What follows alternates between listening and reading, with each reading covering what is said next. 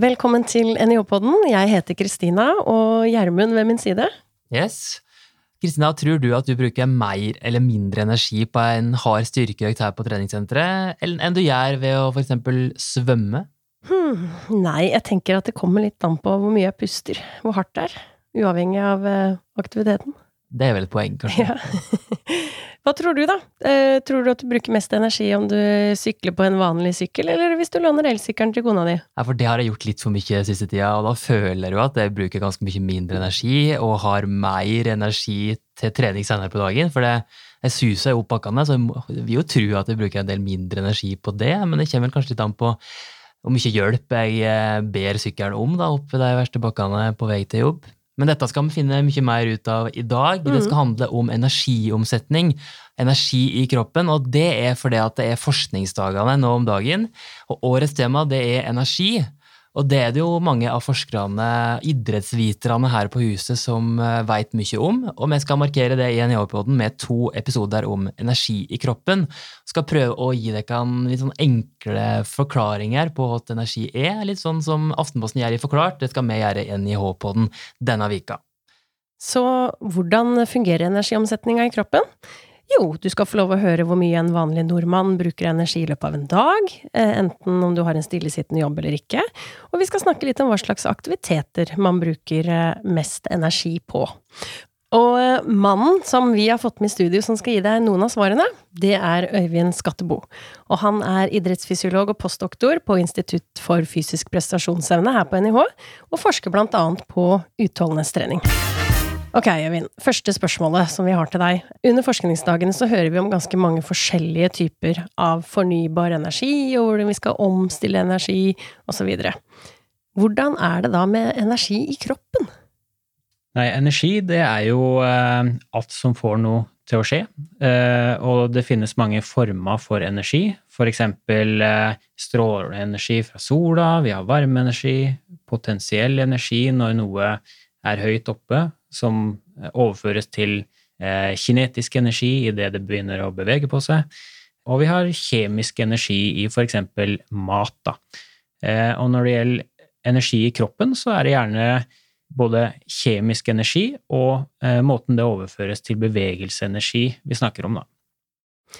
Jeg tenker at det kan være greit at vi har en litt sånn begrepsavklaring sånn i begynnelsen. Og når jeg tenker på energi, i hvert fall, så er det et ganske stort begrep, og så begynner jeg å tenke på flere ulike ting, hvis jeg skal sette det i forbindelse med trening og aktivitet.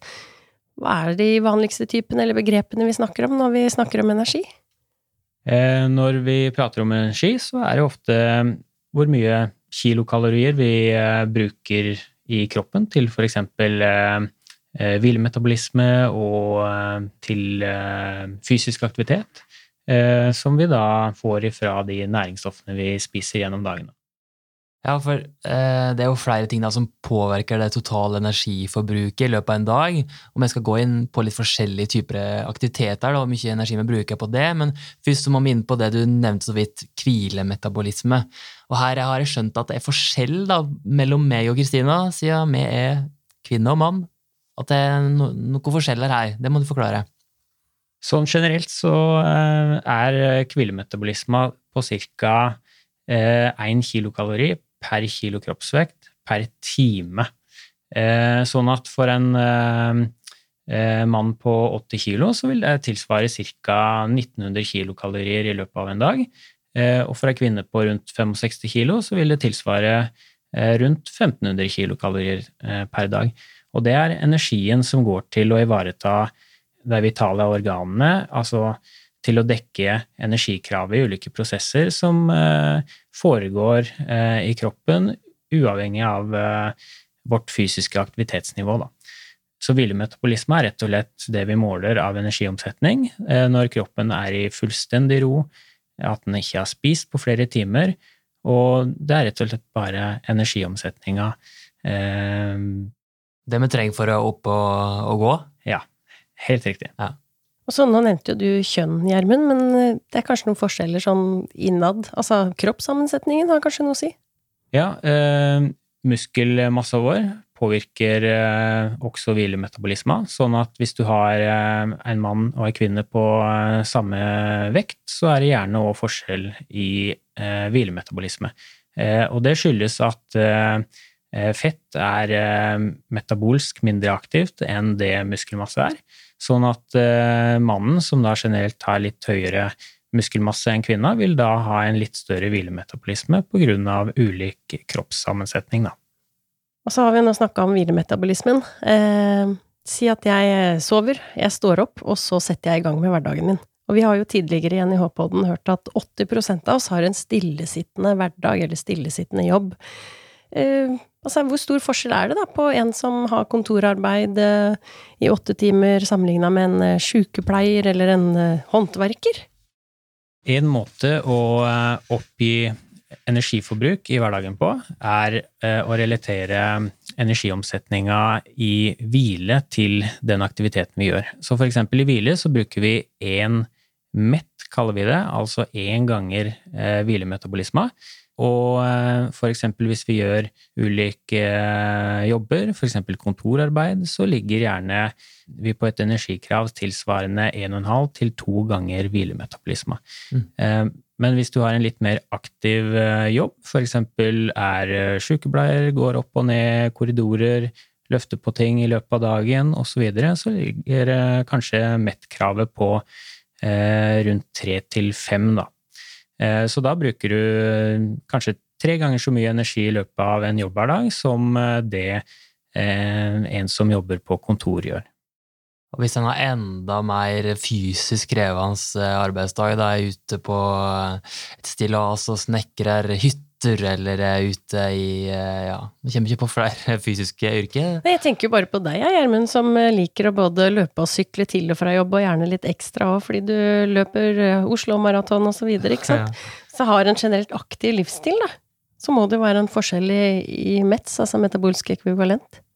Ja, for eksempel eh en snekker gjennom eh, en arbeidsdag ligger mellom ja, alt fra to til sju met, kanskje, og eh, en bonde han er kanskje oppe på de mest energikrevende arbeidsoppgavene gjennom dagen, opp mot eh, ti mett. Men ikke det i gjennomsnitt gjennom dagen, men at han bytter arbeidsoppgaver kontinuerlig gjennom dagen og ligger på mellom tre og åtte, kanskje, da, sånn røftlig. Og når det gjelder f.eks. ting utenom jobben, hvordan du kommer deg til jobb, eh, og eh, reise hjem igjen, så har det stor innvirkning på energiomsetninga i løpet av dagen.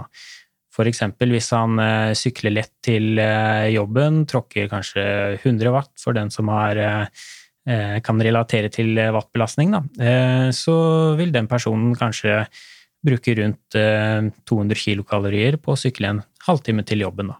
Jeg vet at du bytta litt på å kjøre fra, fra Bærum og òg sykle litt. Det er jo noen kilometer, det, da. Du har brukt ganske mye mer energi på den tida du har eh, sykla deg til jobb enn å kjøre da? Ja, for eksempel de dagene jeg pendler med sykkelen, så eh, tråkker jeg da 40 minutter til jobb og 40 minutter fra jobb, og da bruker jeg eh, ca. 1000 kilokalorier på uh, på den 1 timen og 20 minuttene eh, som jeg sitter på sykkelsetet, da. Som jeg ikke gjør når jeg sitter i bilen og eh, så vidt tar i eh, bilrattet. og nå snakker vi om METS. Eh, vi skal snart inn på hva slags næringsstoffer som, eh, som vi bruker da når vi er aktive. Men kan, liksom, hva, er det, hva, er det, jeg kan bruke METS til i hverdagen? Når, når, hvis du sier at jeg har en METS på 1,9, da, for eksempel er sånn OK aktiv, hva er det jeg liksom kan bruke det videre til? Altså i praksis? Da, eh, da får du et slags mål på eh, din, eh, ditt aktivitetsnivå, din energiomsetning i løpet av en dag. Og da kan han omregne det til energikravet i kilokalorier, og da veit han hvor mye han kan spise for å ligge i energibalanse, for eksempel. Mm. Så Metz eh, sier jo noe da om hvor mye energi jeg trenger å bruke. Eller som jeg har brukt, rett og slett. Det sier noe om kroppens energiomsetning. Men hvis energi er næringsstoff, hva er det vi bruker når vi er aktive? Eh, generelt så bruker vi eh, karbohydrater og fett til eh, energiomsetninga. Eh, og eh, det brytes da ned eh, og omformes til et annet energistoff i kroppen før en muskulaturen kan eh, bruke det.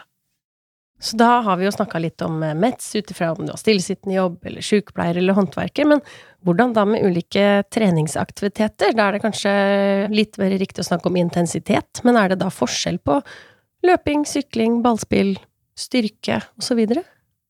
Eh, ja, eh, generelt så er det jo eh, eh, Eh, mengden eh, muskelmasse involvert i arbeidet og intensiteten som påvirker eh, hvilke MET-krav en aktivitet har. Da.